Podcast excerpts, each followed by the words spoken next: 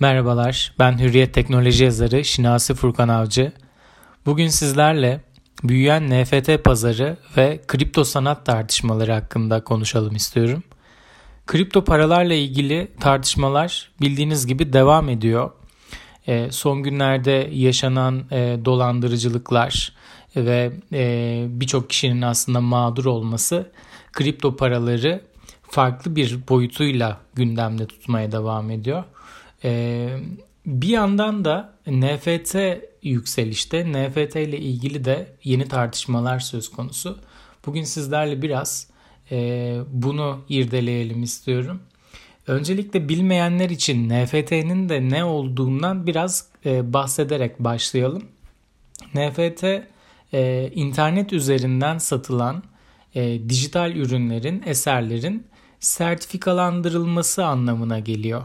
Aslında bir bakıma dijital ortamda sergilenen eserlerin varlığının, e, mülkiyetinin tescillenmesi anlamına geliyor. Dijital ortamdaki sahipliği temsil eden bu NFT'ler sayesinde de artık fiziksel varlık söz konusu olmadan da eserler alınıp satılabiliyor. Ayrıca NFT'ler de Bitcoin ve diğer kripto paralar gibi e, blockchain teknolojisini kullanıyor. E, kripto para birimleri kullanılarak e, satın alınabiliyor. E, satılan ürünler arasında da e, aslında birçok şey var. Yani dijital platformlarda aklınıza gelebilecek her şey var. E, bunların arasında işte e, NBA Top Shot uygulaması aracılığıyla satılan e, hani ve çok popüler olan LeBron James'in smaç videosu NFT'si var. E, 77 bin dolara satıldı. E, yine Twitter CEO'su Jack Dorsey'nin e, tweet'i 2.9 milyon dolara alıcı bulmuştu.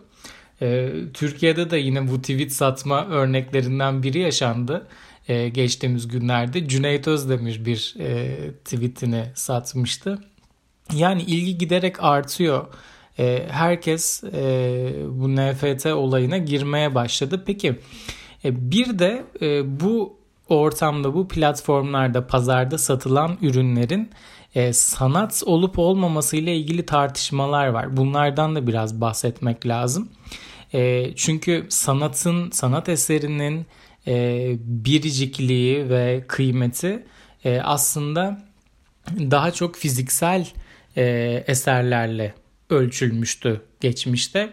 Ama günümüz dünyasında dijital platformların bu kadar yükselişte olduğu, bu kadar hayatımızın içinde olduğu bir dünyada e, farklı tartışmalar ve e, yaklaşımlar da söz konusu oluyor. E, peki insanlar dijital ortamda sayısız kopyası olan bir esere neden para verip satın alıyorlar? Asıl soru bu. E, cevabı da basit e, burada aslında. Sahip olma arzusu. Yani hepimiz bir şeylere sahip olmak istiyoruz. Hepimiz değerli bir şeye sahip olmak istiyoruz. O yüzden yatırım yapıyoruz. O yüzden e, herkeste olmayan bir şeye e, sahip olmak istiyoruz. E, bu bizim doğamızda var. E, ve NFT de biraz bundan faydalanan bir e, ortam. Dijital bir eserin milyonlarca kopyası olması da aslında içlerinden e, yalnızca birinin e, ayrışmasını mümkün kılıyor. Yani kripto teknolojisiyle şifreline, şifrelenip e, tescillenebiliyor eserler ve bu sayede de diğerlerinden ayrıştırılabiliyor. İşte bu noktada diğerlerinden ayrışan eserlerde insanların sahip olmak istediği bir değere dönüşüyor. Ee, yani tıpkı müzayedelerde milyonlarca dolara satılan ünlü eserler gibi e, hani Picasso'nun bir tablosu gibi düşünebilirsiniz. Sanat tarihi açısından değerlendirdiğimizde bir eserin önemi kendinden öncekilere benzemeyen ama kendinden sonrakilere benzeyen özellikte olmasıyla ölçülür malum. Ee, mesela eserlerdeki bir teknik o güne kadar kullanılmamışsa ama kendinden sonra çok fazla kullanılmışsa bu onun ne kadar etkili olduğunu, önemli bir e, kilit nokta olduğunu tarihsel süreçte gösteriyor. E, haliyle sanata yeni bir yaklaşım ve bakış açısı kazandıran e, bu tarz eserler de doğal olarak bir arzu nesnesine dönüşüyor aslında. NFT'nin de aynı mantıkla dijital bir sahiplik dürtüsünü tetiklediğini söyleyebiliriz biz.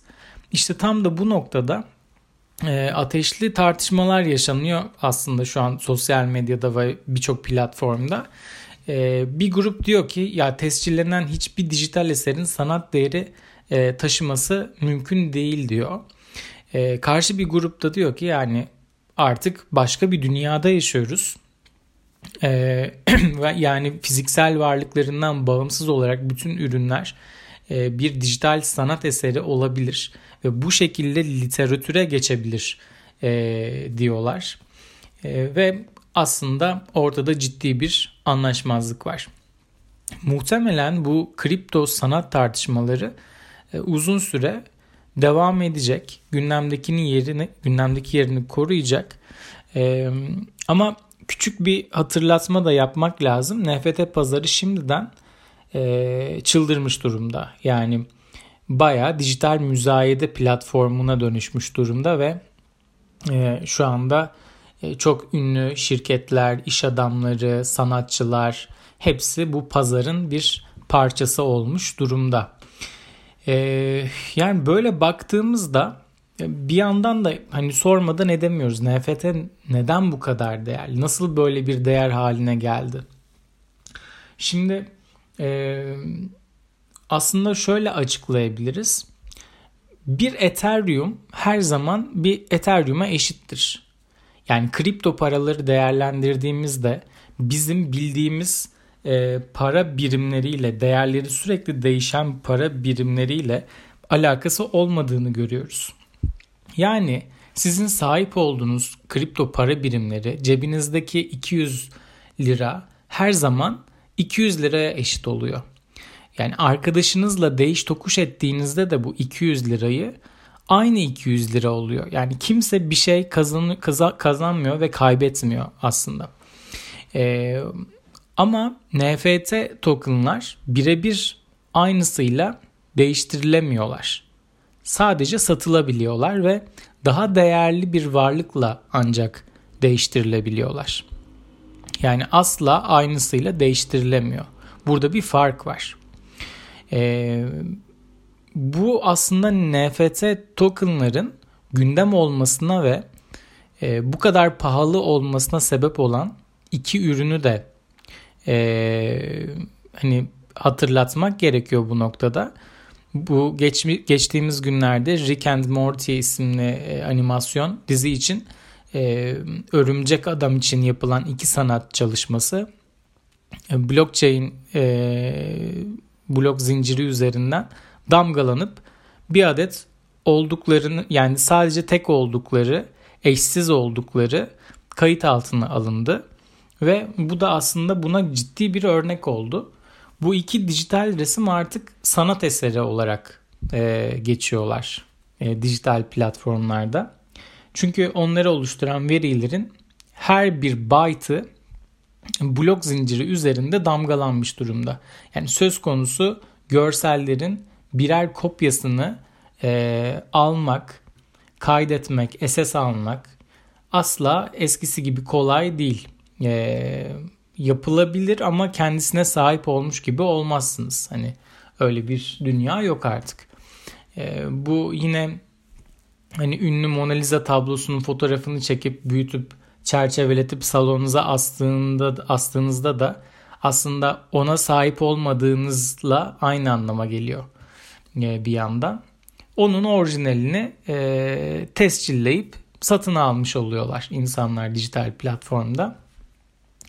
E, NFT coinler bir de sıradan coin ve tokenlar gibi basit cüzdanlarda değil de e, Trustful e, tasaklanıyor. NFT tokenlar e, nihayetinde blok zincir üzerinde bir veri olduğu için onların da bir dijital cüzdan adresi olması gerekiyor. Oralarda saklanıyorlar. E, yani es, sahip olduğunuz eseri isteyen e, görebiliyor ama çok uzaktan görebiliyor. Yani o, kadar kolay bir şey değil.